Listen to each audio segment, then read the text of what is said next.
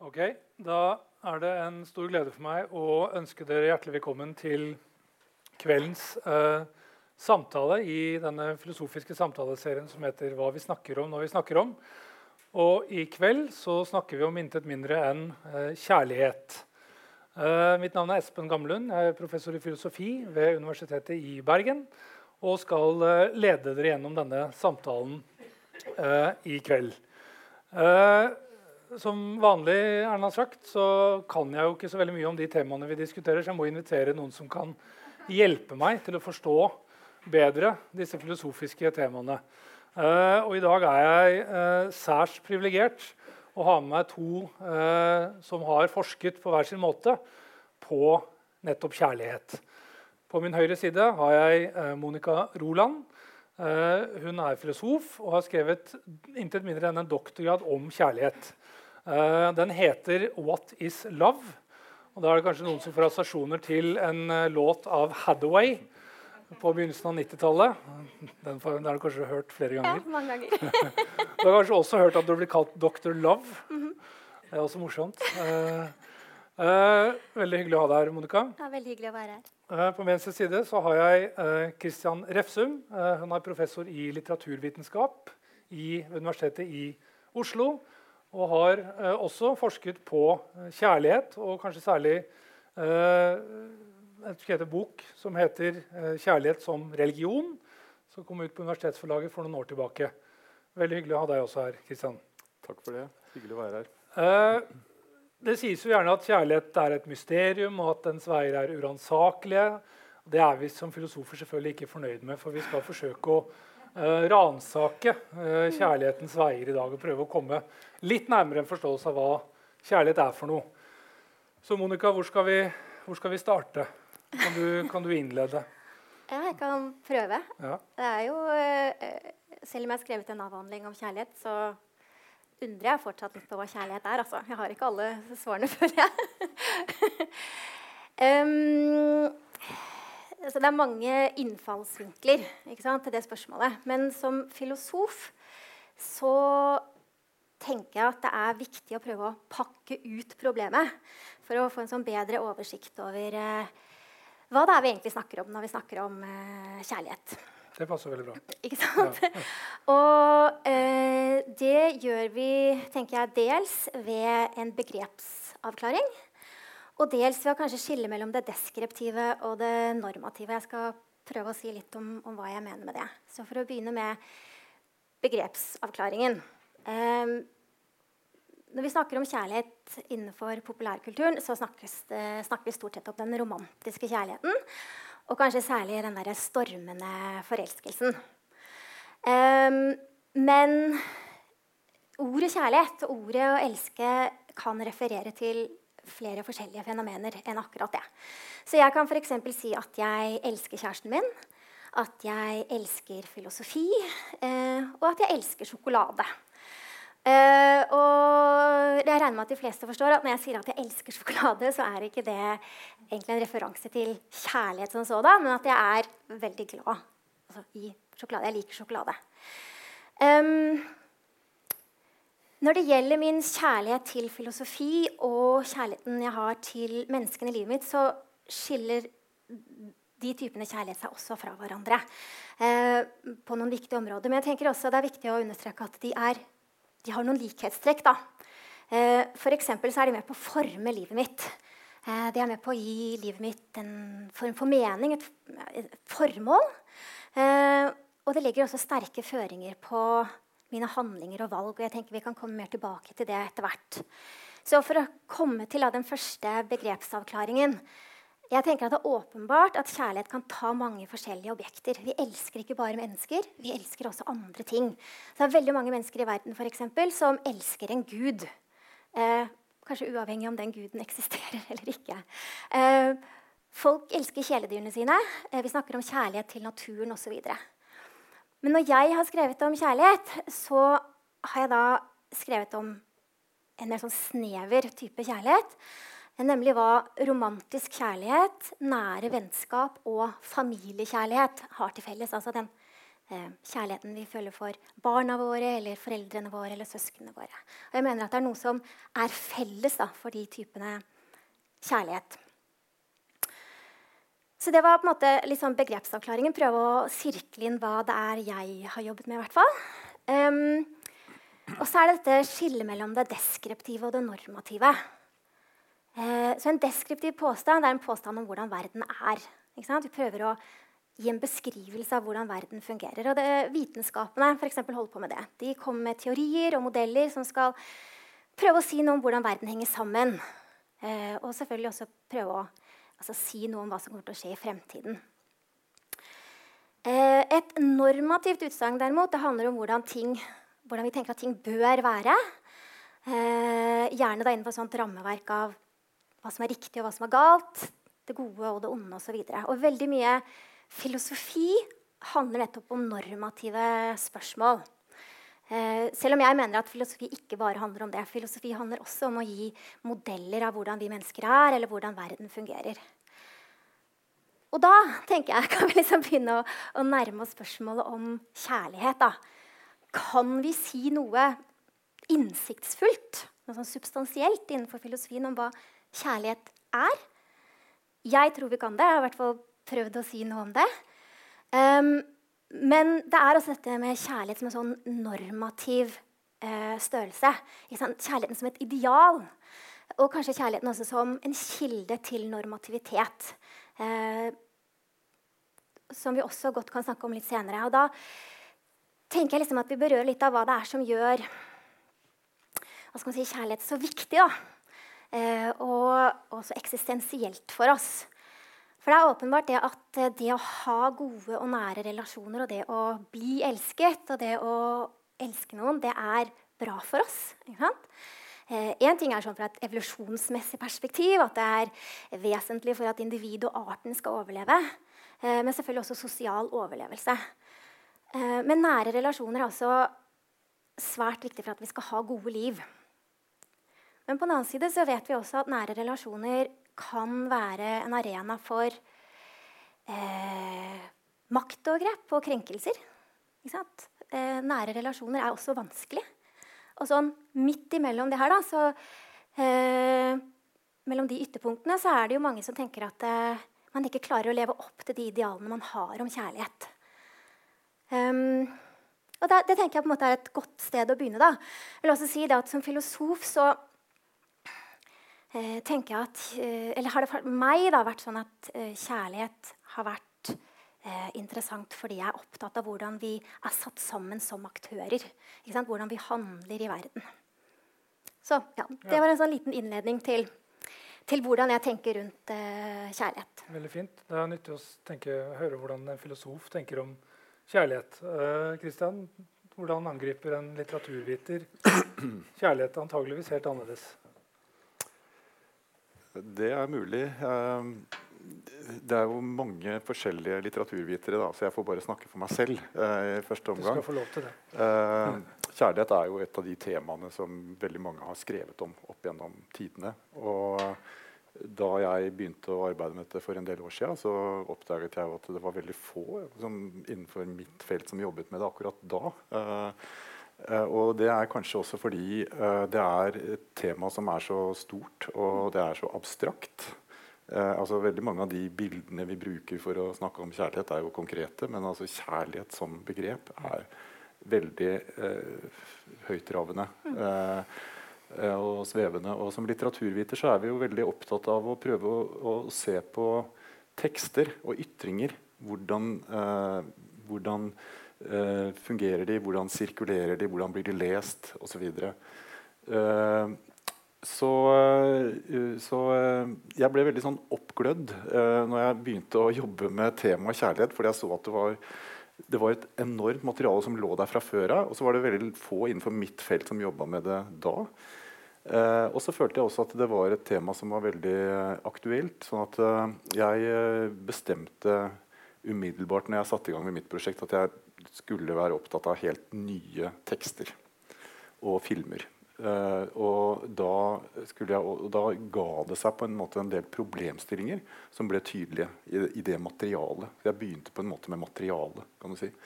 Uh, og det er sånne ting som uh, at man ser veldig tydelig at endringer i familiemønstre, tilknytningsmønstre og sånn blir et veldig stort tema. Seksualitet er beskrevet mye mer direkte. Det var en del sånne ting som ble veldig, veldig tydelig for meg, og som, som preget min inngang til hele feltet.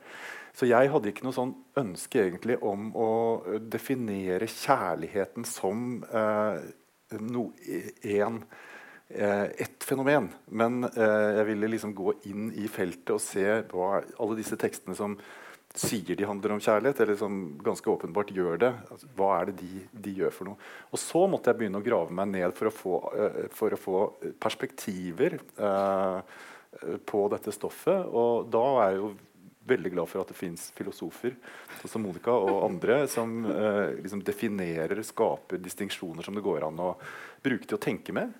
Men eh, kanskje eh, vel så viktig har det vært for meg da, altså rett og slett lese litteraturhistorie. Se hvordan har eh, relasjoner mellom mennesker, fascinasjon, begjær, blitt beskrevet eh, fra de tidligste lyriske tekstene på sånn 600-tallet før Kristus gjennom trubadurdiktningen opp gjennom renessansen, oppfinnelsen av den psykologiske romanen osv. Altså, for å kunne liksom, se de enorme altså, Både kontinuiteten, men også forskjellene.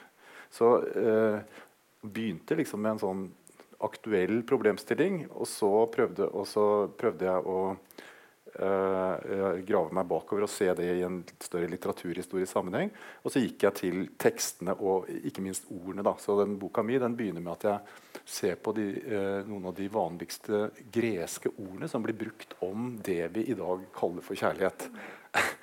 Og da er det eh, sånn som eros, som da er knyttet til den sanselige kjærligheten, men som ikke bare er begrenset til den sanselige kjærligheten. Hos Platon så er eh, eros, altså det prinsippet som får oss til å liksom eh, altså det, det, rammer oss eh, sanselig, men det, det, det vann, altså Eros vanner på en Eller skjønnheten da, som, får oss til, som, som inspirerer Eros, vanner liksom vingen og får oss til å ville sveve oppover mot sterkere erkjennelser. Så det er sanselig kjærlighet, men den er liksom eh, eh, har et større hva skal jeg si, flukt enn bare det vi forbinder med begjær. Da.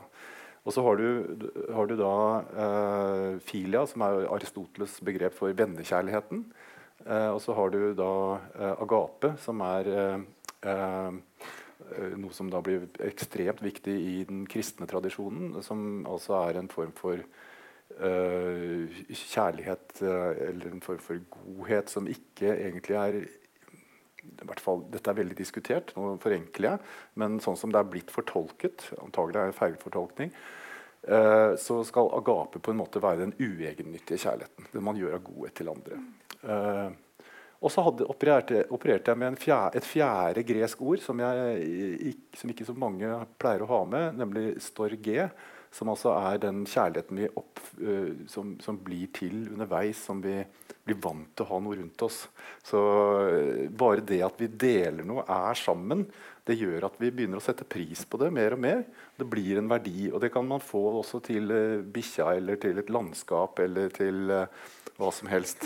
Uh, Eh, så for meg så er det, det, disse fire typene kjærligheter det er sånne byggesteiner som jeg, som jeg ser liksom, når jeg leser litteratur, eller når jeg ser beretninger om liv. Så kan du se liksom, ja, her er det vennskap, her er det, og så smitter det over på noe annet, kanskje. Og så er det kanskje begjær. og så kan man se liksom, kjærligheten som en sånn konstellasjon som kanskje endrer seg i løpet av uh, et liv og i løpet av uh, Uh, en kveld, eller hva som helst.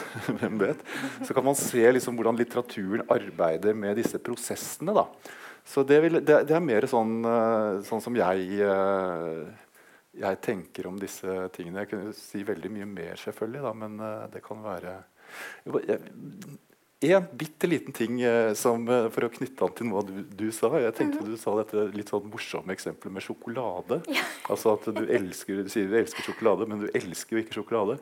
Men jeg, jeg kom på eh, sånn som en filosof som begge vi har hørt, som heter Simon May. Han har skrevet et par bøker om kjærlighet. Han definerer kjærlighet som det som noe som altså Det vi elsker, da. Hva, spør, hva er det vi elsker? Vi elsker det som gir oss et, et, håp om ontologisk tilhørighet. Altså det som gir oss et håp om at det, det finnes et sted vi hører hjemme. Mm. Der er vi hjemme. Liksom. Dette er mitt hjem.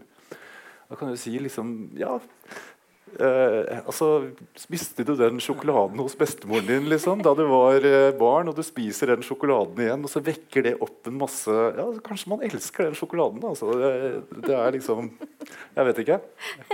Vil du være med på det, eller er det eh, Jeg vet ikke om jeg vil være enig i at det er kjærlighet, men jeg skjønner, kjenner veldig godt igjen liksom, den psykologiske prosessen. Da, ikke sant? Ja. Ja. Um, ja. Um, ja. Jeg står fortsatt ved at jeg ikke snakker om ekte kjærlighet når jeg sier at jeg elsker sjokolade. Ja, Nei, det var litt fleipete, akkurat den der. Men, men, men, bare for å for grunnen til at jeg, altså jeg er litt opptatt av at kjærlighet kan være veldig mye forskjellige ting. Ja. Og at det kan være øh, øh, og, Sånn at øh, jeg er nok kanskje jeg, Det er et veldig godt poeng dette at kjærligheten kan på en måte ha et sånn normativt element.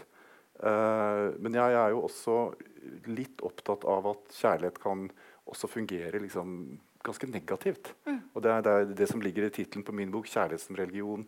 Altså at man begynner å, å dyrke noe som, uh, som uh, man, man, har forventninger til kjærlighet som kanskje er skrudd ganske mye langt opp. Og det er ikke alltid veldig produktivt. Ofte er det veldig negativt. Mm. Så Det er noe jeg skriver ganske mye om. da.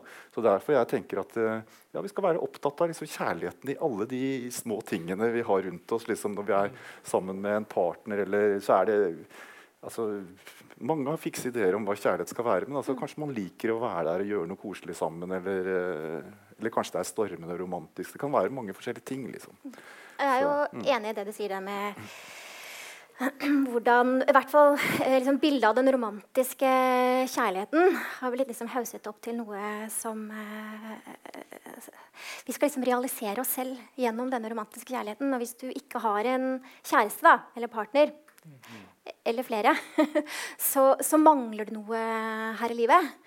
Og um, ja, man skal være så lykkelig og man skal være så perfekt uh, hele tiden. Og det tenker jeg at er et urimelig krav. Uh, eller et slags umulig krav, for det er ingen av oss som klarer å leve opp til det i en relasjon. Um, men jeg kan jo si kanskje litt om uh, hva jeg har tenkt at kjærlighet er. Um, Kom gjerne med svaret med en, med en gang, så kan vi gå igjen. ja, for jeg har jo da um, skrevet om kjærlighet som en moralsk emosjon og som en si, mental tilstand som det finnes normative grunner for. Jeg kan prøve å pakke ut litt, pakke ut litt hva det er. Men um, jeg tror at hvis man spør uh, folk flest, så vil de si at uh, kjærlighet er en Det er i hvert fall en følelse. Det er noe man føler overfor et annet menneske. En positiv, varm følelse. Um, uh, og selv om man ikke går og liksom kjenner på den følelsen hele tiden, så dukker den ofte opp. ikke sant? Uh, og at kjærlighet også er en kilde til andre følelser. Uh, F.eks. hvis det går, går, bra med relasjonen man er i, og det går bra med den personen man elsker, så føler man glede, noen ganger stolthet uh, osv. Og, og, og litt sånn som du sa, så man, man blir dratt inn i verden jeg tenker at Kjærlighet er med på å dra deg inn i, i, verden, for å bruke litt sånn metafor. Men hvis det går dårlig med forholdet, og hvis uh, den du elsker, blir syk, så er det åpenbart at man kjenner på sorg, skuffelse, uh, sinne uh, osv. Så, videre, så kjærlighet er jo sånn sett en kilde til uh, noen av de lykkeligste opplevelsene våre. Uh, og, og, selvfølgelig også noen av de mest smertefulle opplevelsene våre. Så det, at det, det er følelses, følelser med bildet det er ganske åpenbart. Og det er vel det de fleste tenker på når de tenker på kjærlighet. tror jeg. Uh, men når jeg snakker om uh, hva en emosjon er, så er liksom, følelsesaspektet bare en liten del av det. Selv om det er en vesentlig del. Kjærlighet er også en sterk kilde til motivasjon. Og da snakker jeg ikke egentlig bare om liksom, den der forelskelsen, men jeg snakker om kjærlighet som sådan. Så alle som har barn, f.eks., vet at man eh, gjør ekstremt mye for barna sine. Og jeg har ofte brukt et sånt eksempel på en forelder som eh, løper inn i et brennende hus for å redde barnet sitt. Helt uten å tenke på seg selv. Så ofte så er vi motivert til å gjøre noe for de vi elsker, på bekostning av oss selv. Og det er, Sånn sett tenker jeg at uh, kjærlighet er en veldig sånn, sterk uh, pådriver i hva det er vi gjør her i livet. Og det gjelder ikke bare for barna våre eller for uh, livspartneren vår, men også for, for nære venner. ikke sant? Så da har du måte den følelsesmessige aspektet og så har du motivasjonen. Og Som filosof så har jeg vært veldig opptatt av denne motivasjonsbiten. Hvordan skiller kjærlighet som motivasjon seg fra f.eks. Eh, mer sånn egoistiske ønsker og begjær? Og også eh, motivasjon eh, ut fra moralske overbevisninger, f.eks. Um, jeg tenker også at kjærlighet har en, en kognitiv del.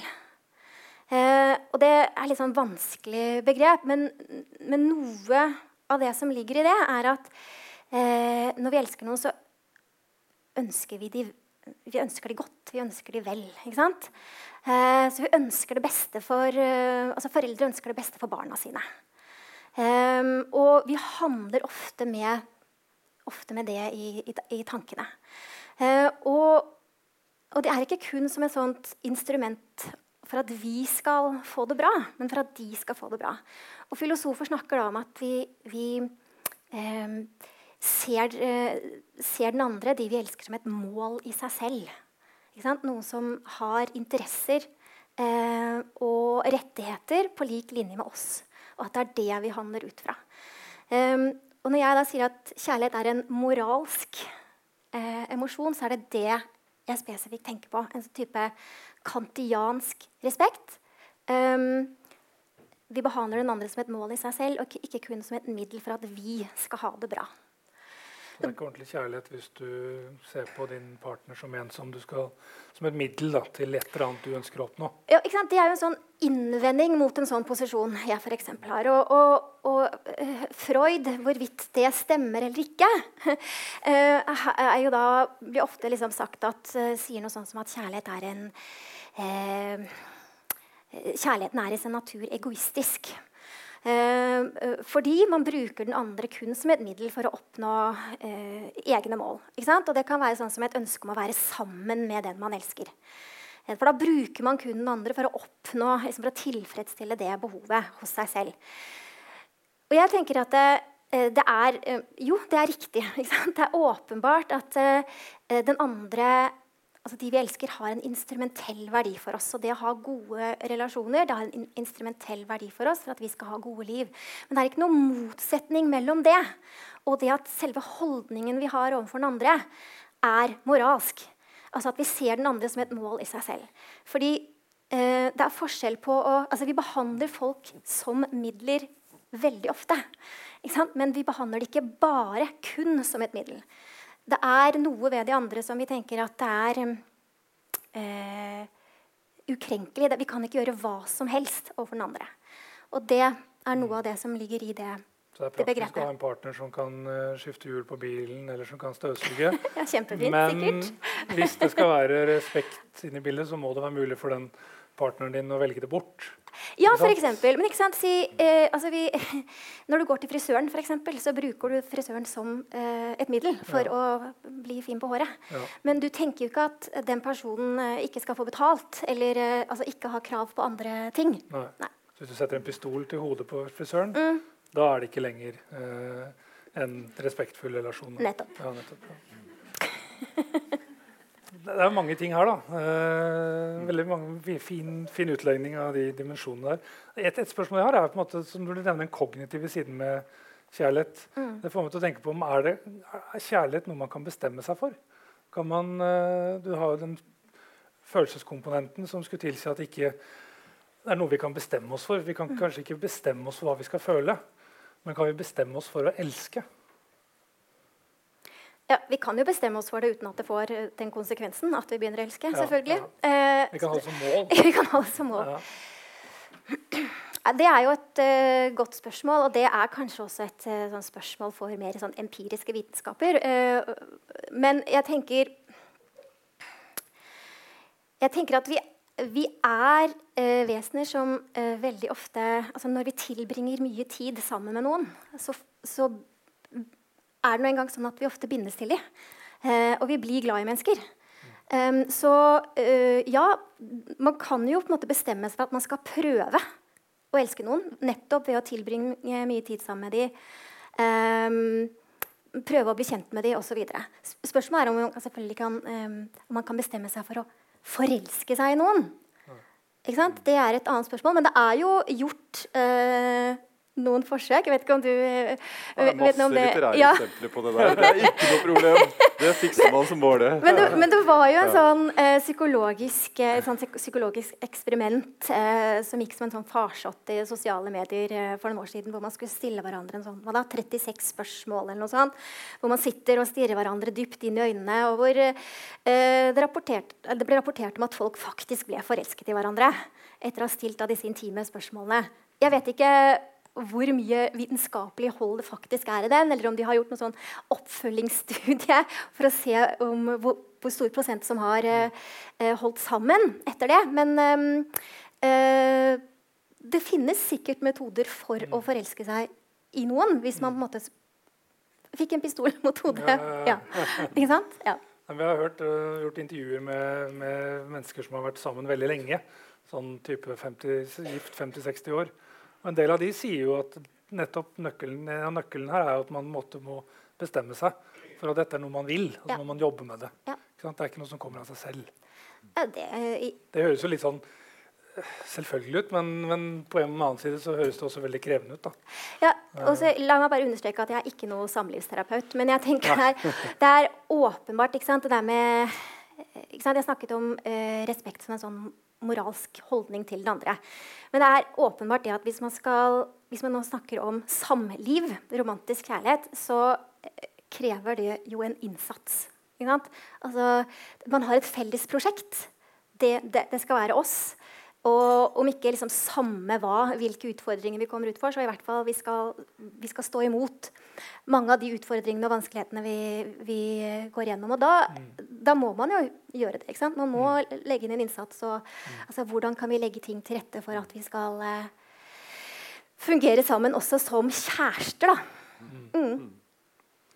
Hva tenker du om de elementene Monica beskriver her? Ja, Nå har det vært veldig mange ting. Jeg prøvde å liksom, ja, ja. Eh, eh, rekapitulere litt her. Altså, ja.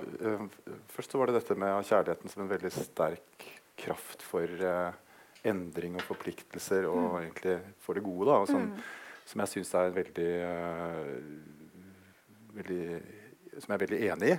Uh, altså at kjærligheten er er noe man kan oppleve som snur opp og ned på liv, og virkelig gjør at uh, verden ser annerledes ut etterpå. Mm. Det, det, er, uh, veldig, det, er, noe av det som er virkelig fascinerende med kjærlighet. Og så var det dette med, med respekt, da. og, så var det dette med Er kjærligheten egoistisk, eller er den liksom altså, uegennyttig. uegennyttig. Uh, og da nevnte du Freud, som jo er en av de som da går langt i å si at uh, kjærlighet er egentlig uh, egoistisk. Mm. man er opptatt av seg selv. Og veldig mange skjønnlitterære forfattere vil jo skrive bøker som kan en, invitere til tilsvarende konklusjon. Ja. Prost, den store romanforfatteren fra 20. århundre har jo også et veldig negativt syn på kjærlighet i den forstand. Eller realistisk, alt ettersom man vil kalle det. Og det er jo en stor, en enorm teologisk debatt om dette her. Eh, fordi, eh, altså Som går eh, langt tilbake til i eh, hvert fall Augustin da, på, i, i, middelalderen.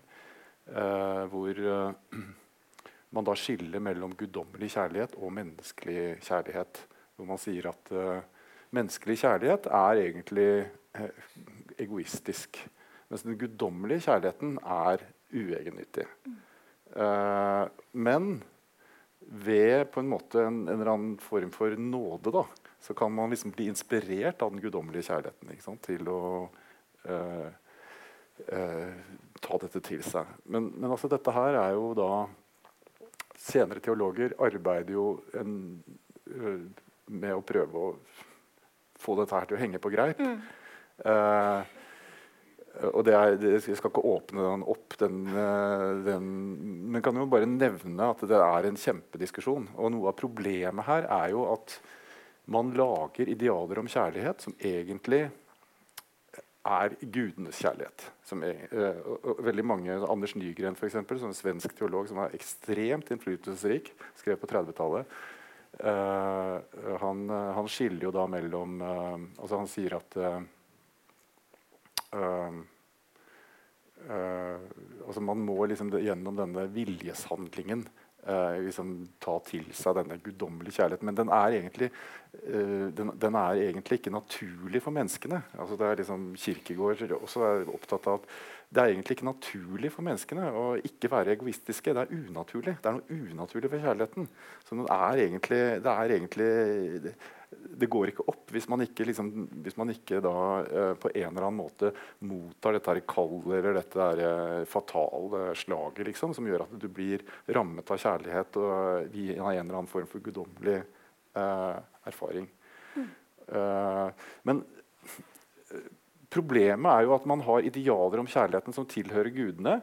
Uh, og så sier man at mennesket er egentlig ikke i stand til det. Uh, uh, men så måler man også menneskelig kjærlighet mot disse idealene. altså, altså, det, er, det, er, vanskelig. dette her er kjempevanskelig. Og det jeg ser når jeg leser særlig nyere litteratur, er at det er utrolig mye høye idealer om hva kjærlighet skal være. Jeg har holdt på og lest mye Knausgård, f.eks., mm. som en del andre. Og det som er gjennomgangstemaet gjennomgangstema i min kamp, det er jo at uh, kjærligheten er uh, unconditional. Den er til familien. Vi kommer alltid til å elske hverandre. vi skal, og, og, så videre. og så ser du litt etter litt hvordan liksom, kjærligheten brytes ned. Mm. Altså, nå har jeg vaska det gulvet sikkert 50 ganger, og jeg har triller den barnevognen, og hun ligger og er deprimert og gjør ikke det hun skal. Og, ikke sant? Uh, og de har og, litt sånn forskjellige... så, så, Han beskriver kollisjonen mellom idealer om den uh, uegennyttige den, den derre uh, Kjærligheten tåler alt. Mm. Og det, den erfaringen at det gjør den faktisk ikke. Og det er veldig mange forfattere som skriver om akkurat det i, i våre dager. Det er kjempe... Så at på dette liksom, hvor, hvor, god er egentlig kjærligheten? jeg er usikker. Men eh. la meg presisere at når jeg sier at uh, kjærlighet uh, altså, Det jeg sier, er at du kan ikke elske noen hvis ikke du respekterer dem. og det er en ganske sterk uh, påstand. Ja. Men jeg sier ikke at kjærligheten skal tåle alt. Og det handler også om kjærlighet til seg mm. selv. Mm. Og jeg skriver også mye om mm. liksom, normative grunner for kjærlighet. Mm. Og la, jeg kan si litt om, om, hva jeg mener med det. Um, skille litt mellom familiekjærlighet på den ene siden og, og romantiske relasjoner og vennskap på den andre siden. Men hvis, hadde, hvis, en fremmed person hadde kommet opp til dere på gaten og bare sagt 'Jeg elsker deg', så hadde man syntes at det var litt creepy, tenker jeg. Eh, og litt sånn upassende. Eh, um, og det tenker jeg liksom fanger litt sånn inn våre intuisjoner om kjærlighet. Um, vi elsker folk for, liksom for, av grunner. Vi elsker de menneskene vi kjenner. Eh, greit nok, når man, når man, føder et barn, så kjenner man kanskje ikke det barnet. Og, og, men man har tross alt hatt ni måneder på å, å, å forberede seg. Og, og, det er heller ikke alle foreldre som føler den der, uh, umiddelbare kjærligheten med en gang, men den utvikler seg liksom, gjennom relasjonen. Um, du er glad i søsknene dine fordi du har en, det er søsknene dine. Du har en lang relasjon med dem, og det samme gjelder foreldrene dine. Um, og når det gjelder venner da, og, og, romantiske relasjoner, så er det selvfølgelig visse egenskaper som ofte gjør at du tiltrekkes dem. Og selvfølgelig også situasjonen. Du har gått på skole med dem, du har vokst opp sammen med dem du har jobbet med dem. Liksom, sånne perfekte, eller ikke perfekte, men i hvert fall veldig gode anledninger til å bli kjent med folk, til å se deres måte, moralske karakter i en sånn vid forstand utspille seg i flere forskjellige eh, eh, kontekster. Og det eh, gir oss grunner til å bli glad i disse menneskene. ikke sant? Um, sånn at når jeg snakker om, altså Det ene er kjærlighet som en sånn moralsk emosjon. Det andre er at det finnes grunner for å elske akkurat de du elsker. Man plukker ikke bare noen Eller jeg tror i hvert fall at det er sånn, at man ikke bare plukker ut noen på gaten og sier Deg elsker jeg. Det virker som en eh, litt sånn upassende respons overfor et annet menneske. Men når man kan ha grunner for å bli glad i noen eller elske noen, så betyr det også at man kan få grunner til å slutte å bli glad i dem eller elske dem. Nettopp. ikke sant? Så jeg mener at Kjærligheten i den forstand at man snakker om liksom, enten samliv eller en relasjon, skal selvfølgelig ikke tåle alt. Mm, mm ja. um, og, um, og, og uh, litt sånn vanskelig å si hva som er liksom, passende grunner til å uh, slutte å være liksom, romantisk tiltrukket av noen. Men hvis man liksom tar det litt bort, så tenker jeg at det er åpenbart at hvis du har hatt en uh, lang relasjon med en venn, og den personen plutselig forandrer personlighet, Eh, og begynner, altså, eh, begynner, å si veldig stygge ting til deg, stjeler penger fra deg, jeg vet ikke hva, mm. så eh, er jo det selvfølgelig først en grunn til å bli veldig bekymret for denne personen. Eh, men hvis ikke dette forandrer seg, eh, så er jo det selvfølgelig en, en, veldig god grunn til å avslutte den relasjonen. Mm. Det er jo noen ganger litt sånn vanskeligere i familierelasjoner, tenker jeg. Eh, fordi mange har f.eks. veldig kompliserte relasjoner til foreldrene sine. Um, uh, si at du er vokst opp i en sånn uh, i en relasjon hvor du har blitt psykisk eller fysisk mishandlet. Jeg tror ikke det er noen av oss som kan kreve at du skal slutte å være glad i foreldrene dine, men du har veldig gode grunner til å slutte å, slutte å interagere med dem. Ikke sant? Um, og Det er også viktig å skille mellom tror jeg, hvorvidt vi kan liksom, kreve av noen at de skal slutte å ha de følelsene for noen. Mm -hmm. Eller hvorvidt man kan si at du har veldig gode grunner til å ikke forbli i denne relasjonen. Mm. Det er på en måte noe annet. Og når, når, man da trekker seg ut av en relasjon, slutter å uh, interagere med folk, så vil jo etter hvert også altså, følelsene avta, avta litt. I lys av det du sa i stad med, med Knausgård-eksempelet, er moralen at vi har for høye forventninger? da? Til kjærligheten. Ikke bare til partneren, men at alt dette samlivet og alt dette skal være så fantastisk hele tiden. Uh, så er det ikke det, og så rakner det. Jeg tenker at det ofte er et ganske stort problem, ja. Og det er gjenspeilet i litteraturen? Uh, ja, at litteraturen arbeider med det problemet, ja. ja. ja det, det, vil jeg si, altså. Men uh, det er litt sånn kjedelig å si det òg, fordi si, Skulle vi ikke ha store forventninger til kjærligheten? uh, uh, Vanskelig å være. Uh, ja. Så jeg, jeg, har ikke noe helt klart svar på det. Men bare for å knytte an til det du sier, har sagt nå om respekt, bare for å kommentere det, mm. kan vi eventuelt komme tilbake til disse forventningene. Så, så syns jeg jo det er altså Jeg sympatiserer jo veldig med det forsøket på å tenke kjærlighet som altså at respekt er en nødvendig del av kjærligheten. Eh, og at man sier eh, OK, du er sammen med en eller annen person som er, eh, oppfører seg bedritent, men du elsker han likevel, og han sier at han elsker deg, eller motsatt hvis det er en dame. Men, men, da er det faktisk ikke kjærlighet. Ikke sant? Fordi det er ikke noe respekt der.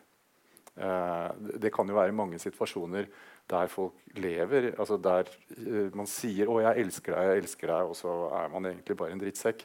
Og Det er jo liksom viktig at folk får den beskjeden. At det er faktisk ikke kjærlighet. Hvis du, den, hvis du ikke respekterer den personen, så er det, det, er, det er ikke kjærlighet. Det er det du sier. ikke sant? Det tenker jeg er et ganske viktig beskjed på mange områder. Ja, jeg... og, og fordi kjærlighet blir brukt veldig mye som sånn uh, uh, ja, også, altså I parforhold, men også i politiske situasjoner. Altså, det er ingen som elsker sitt folk mer enn Josef Stalin og den type personer. ikke sant? Uh, ingen og, som har mer respekt for kvinner enn Trump heller. uh, nei, ikke sant? Han ja. elsker jo også kvinner dypt og inderlig. Ja. Og Det kan være det er sant på én måte, men ikke sånn på din måte. Og Det, det tror jeg er en veldig, veldig viktig beskjed. Uh, så det er liksom første nivå. Men, men så er det og dette her det funker jo fint da når det gjelder uh, Jeg tenker at jeg er helt enig med deg, men når vi leser litteraturen, så ser vi også at uh, det er et eller annet som, uh, som er tydelig ved at særlig den romantiske kjærligheten, som vi alle forholder oss til, så er på en måte litt overskridelsen, det å gå frem opp mot den grensen for respekt, er også, det er også noe folk ønsker. på en måte. Uh, Uh, og ja, hvordan skal man si dette her, da? Det, uh, jeg tror at Noe av det som er vesentlig med kjærligheten, det er at uh, man kommer veldig tett på andre mennesker. Ja. Og at du blir utsatt for de menneskene akkurat sånn som de er. Mm. Selv om ikke de, Og kanskje de blir fly forbanna, kanskje ikke mm. de har respekt for deg i det øyeblikket. Mm. Kanskje men de er der, mm. og du trenger ikke å lure på hvem de er. Mm. Og, uh, jeg er veldig syns, inspirert av en uh, tysk sosiolog som heter Niklas Lohmann, som ser kjærlighet som et sånn uh, symbolsk medium, egentlig. Altså, det er en teknikk for å komme i kontakt med andre. Og litteraturen i, det 20. århundre er full av sånne ensomme sjeler som ikke ikke kommuniserer ved verden. Vi er blitt fremmede for hverandre alle sammen. Hva er det egentlig som foregår inni hodet på den personen som jeg har ved siden av meg? Det er et stort problem. Vi aner ikke hva som foregår bak uh, pannen der. liksom. Uh, mens uh, når vi opplever kjærlighet, så opplever vi en vilje til å liksom møte den personen i hele sin hele sin altså hele det menneskelige dramaet. Mm. Så man kommer liksom tett på kreftene. da. Mm. Uh, og da går du også kanskje inn på din, den, den grensene der du kanskje går over den respekten mm. noen mm. ganger. Og det er, bare for å ta en sånn, Dette er den romantiske litteraturen. Ikke sant? Den gjør det hele tiden. Og du har det i, i populærkulturen. altså tenkte på en sånn bitte liten scene fra Elvis' 'Jailhouse Rock'. Uh, er, som er sånn paradigmatisk for uh, populærlitteraturen. Han bykser liksom på en sånn dame. De er nære venner, da, så det er ikke helt umotivert. Men det er litt over streken. Og så sier han 'It was just the beast in me'. Det er på en måte hele, Der har du liksom hele populærkulturen som arbeider med å eh, akkurat eh, grensen. Uh, det er litt rampete. ikke sant? Og det er det vi vil, for da er det man opplever at det er noe ekte der. Og, og, hvis, hvis, man oversetter dette liksom til Hvis man lager en kjedelig versjon av det der respektfulle uh, ekteskapet, da, så er det sånn at uh, du går rundt og man er kjempesnille mot hverandre, men du lurer på hvem er det egentlig jeg bor sammen med. ikke sant? Uh, ja, det er sikkert kjærlighet at man er kjempegreie mot hverandre. Men, men ikke sant? Det er kanskje litt deilig når noen bare eksploderer. Og det er bare Wow! Dette er liksom kreftene i livet. Ikke sant? Det, det, det, også, og, det er, og, det er, jo det som dyrkes. ikke sant? Og Ofte så dyrkes det jo det destruktivt. Sånn det er masse filmer og bøker som nettopp handler om det. For at den, den impulsen til å oppleve det, den virkelighetserfaringen som kjærligheten kan være, den er så sterk at den noen ganger bikker over ganske ofte og blir destruktiv. Ja. Det, og det er liksom det, det, er det, det er det litt det motsatte, ikke sant? Ja, det har flere ting å si, svare på til det. da. Så jeg mener, uh, altså, Det er jo åpenbart at ingen av oss er perfekte. Noen mm. ganger så, så uh, klarer vi ikke å være så eventuelt respektfulle som vi skulle ønske at vi kunne være overfor den andre. Mm. Um, men det betyr ikke at vi liksom systematisk feiler i det. Og det andre er at Når jeg sier, uh, altså snakker om dette med respekt, så handler det jo ikke om at man ikke eh, noen ganger faktisk har grunner til å eksplodere eller si ifra. Det har man jo faktisk. Mm. Og respekt overfor den andre handler jo også om å si at den andre er tross alt menneskelig og feilbarlig. Noen ganger så må vi bare si 'sorry, jeg vet ikke hva som gikk av meg'. Mm. Jeg, bare, jeg ble så usaklig. Mm. Um, men det er klart, altså her er det sånn Det er jo, det er jo grader her, da. Av uh, altså, hvor mange ganger det skal smelle. Før det liksom, man kan si at ok, men dette her er ikke sånn det skal være. Mm. Så uh, vil jeg bare liksom understreke en ting. Og det er Jeg tror også at det der med, liksom, det der med å være en god moralsk person, og det med å være en god eh, vet ikke hvordan jeg skal si det på norsk. Men 'Loving agent' da, sier man på engelsk. En som er mm. flink til å elske. Mm. det er, handler jo også om en evne. Og eh, foreldre for eksempel, oppdrar jo barna sine til å bli det de mener er gode moralske personer. Så når eh, treåringen sitter i sandkassa og slår liksom, naboungen i hodet med spaden, mm. så sier man at nei, sånn gjør man ikke mot andre. Ikke det er en måte å lære hvordan vi kan oppføre oss overfor andre. Og sånn gjør man jo også når man har søsken. Man forteller at nei, vet du hva, det fikk jeg høre et par ganger da jeg vokste opp. At Monica, sånn gjør du ikke mot brødrene dine.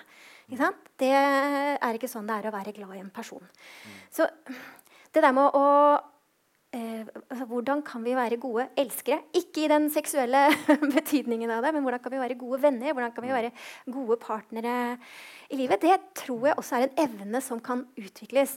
Og jeg opplever, jeg er ikke litteraturviter, men jeg har lest litt litteratur. Eh, og som f.eks. Knausgård. Det der med at det, eh, man, det skrives veldig mye om, om, de som faktisk strever med disse nære relasjonene. Mm. Og som mange av oss kan kjenne oss igjen i, om ikke liksom i like stor grad mm. som Knausgård. For, mm. Så at vi kjenner oss igjen i det. Det er dypt menneskelig, det som det blir skrevet om. Og det er derfor det rører oss så mye også. Mm. Nettopp fordi litt sånn som jeg sa innledningsvis, at det, det, stemmer ikke helt overens med idealene vi har både for hvordan vi selv har lyst til å være, mm. Eh, og for kjærligheten. Ikke sant? Eh, tenker sånn I Skandinavia så er vi veldig opptatt av å være siviliserte og ikke ha veldig store emosjonelle utbrudd. Mm. Men det, det, får man jo når man er veldig tett på folk. Jeg vet ikke hvor mange av dere som har prøvd å være på ferie med enten kjærester eller eh, nære venner. Det smeller ofte et par ganger i løpet av en sånn ferie. Ja. Men det handler jo om å kunne være large nok til å mm. se liksom, det dypt menneskelige i det også. Mm. Ja. Ja, og også det altså Jeg tenker jo også at kjærlighet er jo da at uh, man, man, anerkjenner at liksom, ok, man er sjalu ja. og er ikke opptatt av den andre. Man er opptatt av seg sjæl. Man formidler det. Du formidler at du uh, Det er også en form for kjærlighet. For da, da, er, du veldig, da er du til stede. Liksom. Så jeg tror kanskje ikke vi er uenige eh, om dette, men, vi, men jeg, jeg, følte bare et veldig behov for å si disse tingene i, denne, i, denne, sammenhengen. Da. Ja. Fordi, fordi, jeg tror også at uh, Jeg tror faktisk at uh, veldig mange ikke har noe særlig anelse om hva uh, kjærlighet er for noe, hvis man tenker kjærlighet sånn som jeg tenker kjærlighet. Da. Altså som, som, som den der erfaringen av et radikalt møte, da, som er At det men mange har nok den erfaringen også. Altså, det, det var, jeg skal ikke si noe om hva folk har og ikke har. men, uh, men, eh, men eh, det er liksom en sånn rest som, som, som det er verdt å også uh, ta vare på. som er Såpass romantiker er jeg, da. Ja. Når du sier erfaring der, så det får man til å tenke på en ting som jeg lurer på. Når vi sier at 'jeg elsker deg', og du sier 'jeg elsker deg' til din partner, og du sier det samme har vi, opplever vi da det samme? Så Det er spørsmålet om kjærligheten har en essens. Så er det sånn at når, når, du opplever kjærlighet, og jeg opplever kjærlighet, og du opplever kjærlighet, opplever vi det samme? Hvordan kan, jeg, kan vi kommunisere? Si. Du vil si nei. Uh, men uh, jeg vil si at uh, altså, det er en, det er en Ikke helt forskjellige ting? jo, men Nå begynner det å bli spennende. Ja. Nei, altså, men her finnes det jo ulike skoler. Da. Men altså, jeg, jeg, har jo forholdt meg mye til sånn fransk filosofi, altså, hvor man har en type annethetstenkning. Altså, der den andre er en annen. Du når aldri helt inn, men altså, Gud vet hva som er der. Men du, du forholder deg til den andre. Eh, Eh, men, eh, men, jeg har veldig sans for eh, også det perspektivet at når man har hvert, hvert sitt syn på virkeligheten, og så opplever man noe sammen, Uh, uh, så er det slik at man ser den virkeligheten på en måte parallelt. Og den virkeligheten ville aldri sett sånn ut hvis man ikke hadde sett den sammen med den andre personen. Men det betyr ikke at man ser det samme. Men den, den type Nå refererer jeg egentlig til Alain Badiou og hans kjærlighetsfilosofi, som handler om at uh, og da er det ikke det at han nødvendigvis er så veldig opptatt av den andre, men den andre er helt nødvendig for å etablere en forskjell for å markere en forskjell til deg selv som gjør at verden ser annerledes ut på basis av den forskjellen enn ville gjort hvis ikke den forskjellen var der. Men Det betyr jo også at hvis din partner sier til deg 'jeg elsker deg', og du sier det samme til partneren din, så er det egentlig ikke sikkert at dere snakker om det samme? Nei, eh, sannsynligvis snakker vi ikke om det samme. Det er interessant. Eh, nei, men altså, eh, Roland Barth har jo skrevet fantastisk om denne her eh, talehandlingen. altså det, å si 'jeg elsker deg'. Ja. Det er jo en språklig handling. ikke sant? Som jo uh, ikke bare avspeiler en sannhet, men den skaper en relasjon som kanskje ikke var der før. Altså, I det øyeblikket du har sagt 'jeg elsker deg', så har du skapt noe som ikke var der. Så det er en performativ, kaller man det, som språkhandling. Uh, og, og det, Han mener at det er nødvendig for at du skal ha kjærlighet. Så du må faktisk forplikte deg, du må si det, du må gjøre det. Det holder ikke bare at det er en følelse. Det må være uh, noe. Uh, men problemet her er jo da Hva svarer du? Jeg elsker deg òg. ikke sant? Altså like måte. Ja, ikke sant? Eller altså, i, altså, Poenget er idealet, idealet skal jo da være at man sier det spontant samtidig. Ikke sant?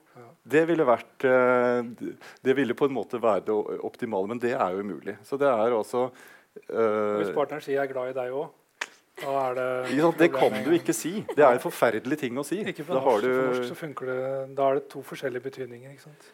Elske og glad i. Det er lettere på engelsk. På engelsk er det lav, dekker dekke begge to. Mm. Ja. Um, men du, jeg håper du er uenig med Kristian? Ja, ja, ja, jeg er ja, uenig med, med Kristian. Men uh, kanskje. um, jeg tenker jo at uh, altså, hva, hva folk, Om folk er genuine når de sier 'jeg elsker deg', det, er, det får nå så være. Men ja. uh, den følelsen av kjærlighet den tenker jeg er gode grunner til å tenke at det er ganske universell. Nå er jeg filosof, da, så jeg liker å tenke at mennesker har noe, noe felles. Um, og det er rett og slett fordi vi er uh, biologiske vesener med de samme biologiske uh, forutsetningene. Um, men det betyr jo ikke at ikke vi har liksom, kulturelle forskjeller, f.eks. For eksempel, eller at uh, kjærlighet, særlig den romantiske kjærligheten, det vet vi har blitt oppfattet ganske forskjellig opp gjennom uh, tidene. Mm. Som på en måte kan, kan, påvirke oss. Men jeg tenker jo at uh, det der med å oppleve kjærlighet er litt som å oppleve smerte. Altså Det er noe felles der for, uh, for alle mennesker. og der, Derfor vi sikkert elsker å se kjærlighetsfilmer også. fordi vi, liksom, vi kjenner den følelsen på en måte igjen når vi ser, uh, ser filmene. Og også derfor vi ikke liker, eller mange av oss ikke liker å se folk som har det vondt da, på film. Fordi vi, vi, vi kjenner det igjen litt selv. Vi speiler oss uh, i det. Mm. Så jeg tenker at det er, det er noe, en kjerne der i hvert fall som, som er veldig lik hos alle. Det er en innvending til deg, da, din teori. At vår forhold til kjærlighetsfilmer og måten vi reagerer på det, og det er et slags fellesskap i, i det, som kanskje antyder at det er noe fellesmenneskelig bunn der? Det er helt eller? klart noe fellesmenneskelig. Men altså, det, dette her er vel mer spørsmål om liksom, du, hva slags perspektiv du anlegger. Mm. Fordi hvis du har et veldig skal si, overgripende perspektiv, så vil du se veldig mye felles. Mm. Men du, jo tettere du går på, jo mer vil du se også at det er forskjeller. da, mm. tenker jeg. Altså det vil jo øh, sånn at, øh, Så det blir liksom sånn Ja, er kjærligheten felles til alle tider og for alle mennesker, eller er den det ikke? Altså det blir liksom et umulig spørsmål. For det, det handler så veldig mye mer om Du kan godt svare ja på ett nivå. Er det det? Mm. Og så kan du svare jo, men det er jo ganske forskjellig ikke sant? når du leser de tekstene. akkurat den konstellasjonen der. Og akkurat det mennesket er Vi er alle litt forskjellige hvis du går veldig dypt ned. Altså vel, så her tok vi på en måte Her var det liksom filosofen som tok det overordnede perspektivet, mens jeg som er, jobber med litteratur, var mer liksom på det partikulære, tror jeg. Ja, ja. Men, er, men, jeg tror det handler mer om liksom, hvor du, hvordan man ser. Ja. Jeg, jeg, er ikke uenig i at det er mye som er måte, universelt ved, ved kjærlighetserfaringen. Altså. Jeg tenker også noe sånn uh, At man har forskjellige oppfatninger av måte, implikasjonen av at man, noen sier at de elsker deg. Eller uh, det der med å gå inn i, en romantisk relasjon, da, f.eks. Men for så vidt også vennskap. Det der med at man eh, kanskje ikke bare antar at man er enig eh, om hvordan denne relasjonen skal fungere. Når noen liksom sier 'jeg elsker deg', skal, jeg vet ikke om det fungerer sånn. 'Jeg elsker deg, skal vi være sammen?' Det er kanskje, ja. eh, men at man, når man går inn i en relasjon, så er det jo eh, og spesielt en romantisk relasjon, så tenker jeg det er viktig at man eh, kanskje er enige om spillereglene, hva slags forventninger man har til denne relasjonen. Og det kan selvfølgelig forandre seg også i løpet av et liv. men igjen litt sånn tilbake til litteraturen, så tenker jeg at mye av det kanskje handler om det. da, At man har litt sånn forskjellige oppfatninger om hva kjærlighet er, eller hva et samliv skal være. Og uh, ja, Nå kommer jeg veldig mye tilbake til Knausgård, men det er fordi at jeg har hørt uh, på, på Knausgård en sånn lydbok i det siste. Mm. For meg da, så, så virker det som de hadde veldig sånn forskjellige forventninger til Og kanskje behov. Behov for hva um, Når det gjelder det å være i en kjærlighetsrelasjon. Hun, Linda sier noe sånn som at uh, kjærlighet er å ønske å være sammen omtrent hele tiden. eller noe sånt. Nå kanskje jeg legger litt ord i munnen hennes, mens han er sånn Wow, vi kan ikke være sammen hele tiden. Og, og, han vil sitte og skrive og være veldig mye for seg selv. og ja. Um, og det er jo selvfølgelig igjen, Nå høres jeg ut som en samlivsterapeut. Jeg er ikke det. Men, men uh, det er selvfølgelig uh, sånne ting man må um, altså være ærlig på. tenker jeg. Uh, ha respekt nok overfor seg selv også. Det gjelder også i, i nære vennskap. Hva, altså, dette er meg, dette er mine behov. Hva, hva er deg, og hva er dine behov? Mm. Mm. Ja. Altså bare, bare, for å til dette med liksom, det universelle og det partikulære ja. igjen, så, så, vil jeg jo si, og det henger kanskje litt sammen med det du sa nå også, da, at uh, grunnen til at jeg er litt opptatt av det partikulære, er fordi at jeg mener at det er jo på en måte også et etisk ja. uh, uh, viktig argument. Altså at alle er faktisk veldig Altså alle er unike. Mm -hmm. Alle har sin egen opplevelse.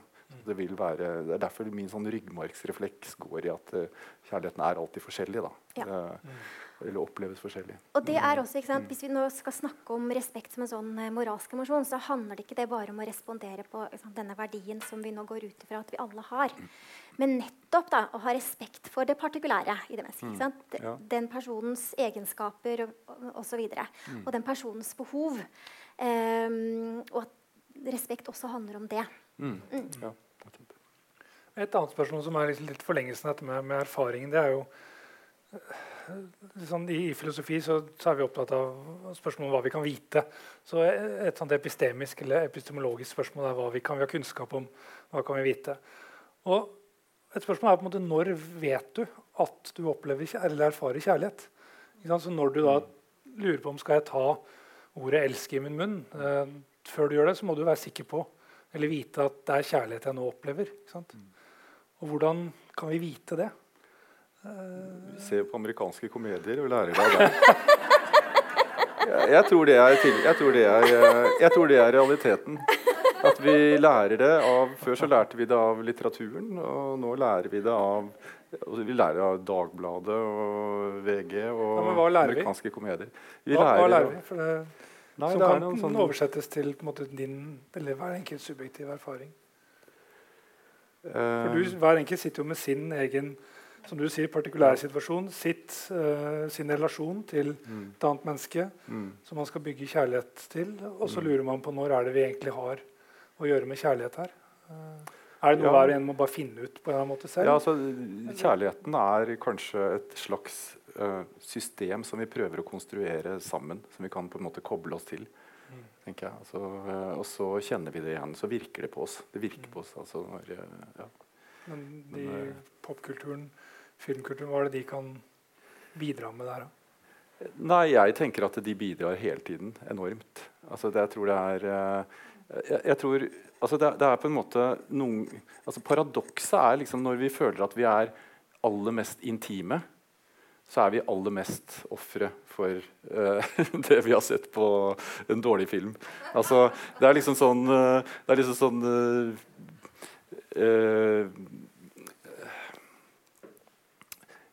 De aller mest intime erfaringene er ekstremt vanskelig å dele.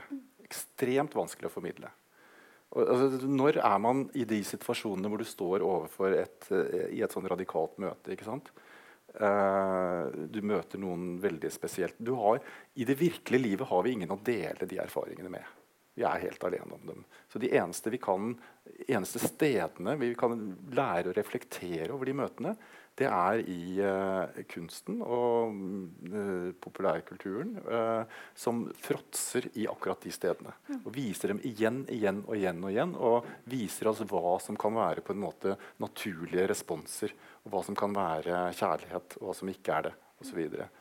Uh, men altså Det er kanskje et litt sånn utvendig perspektiv, men jeg tror, jeg er, jeg tror det er eh, vanskelig å komme unna at det er veldig viktig.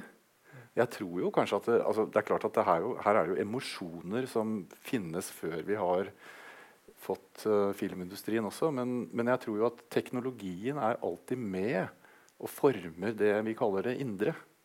Og det har den for så vidt vært tidligere også med skriften. Og, mm.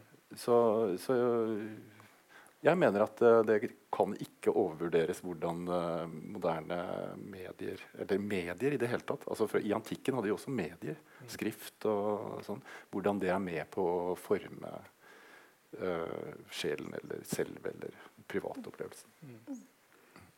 Ja, jeg vet ikke om jeg har et godt svar på det. Når vet vi at vi elsker noen? Altså, det er jo en sånn eller hvordan vet vi det? var kanskje spørsmålet. Ja, eller hvordan, hvordan, kan vi vite det? Mm, hvordan kan vi vite Det Det er jo, det er jo en erfaring vi har. Og, og um, Når tenåringen sier liksom 'jeg elsker, fått meg kjæreste, vi elsker hverandre', så, så, vil jo du som filosof si at det tar feil, for det er ikke respekt osv. Sant? Men, det kan jo absolutt være at en tenåring har full respekt for, jo, for den andre. Men, det er, men, men uh, altså, ja, det er jo noe vil jo hele tiden få inn det der med respekt. ikke sant? Hva sa altså, du nå? Alt det vi snakker om, ja. det, er jo, det er jo skrevet ut i store bokstaver i alle mm. high school-komedier mm. fra USA. Ja, men igjen, jeg tenker jo at Kjærlighet er noe som kan læres, og det handler om erfaring. Og, og også voksne mennesker har jo uh, sagt at jeg trodde det var kjærlighet, men det var det jo ikke. Litt sånn tilbake til det du snakket om i sted. Jeg bare var avhengig av denne personen. Sissel Gran har jo snakket mye om det der å være hekta ikke sant, på noen. Um, så uh, altså, kjærlighet er vel noe vi kan ta feil av, som uh, så veldig mange andre ting. Men jeg tror jo også at alle som, eh, alle som sitter her, forhåpentligvis. Og at det er en sånn allmennmenneskelig eh, erfaring å faktisk ha elsket noen, eller å elske noen. Mm. Og at eh, vi veldig ofte rett og slett bare vet det fordi vi erfarer det. Det er denne mm. følelsen. ikke sant? Mm. Og også sånn på bakgrunn av hva det er vi faktisk er villige til å gjøre for disse, disse personene. Mm. mm. Da tror jeg det må bli siste ord. Jeg ser klokka bikket åtte. Tusen hjertelig takk til eh, Monica Roland og Kristian Refsum. Og tusen hjertelig takk til dere som kom. Så skal jeg minne om neste arrangement i serien, som er om straff. 26.11. Eh, samme sted og samme tid. Takk for i kveld.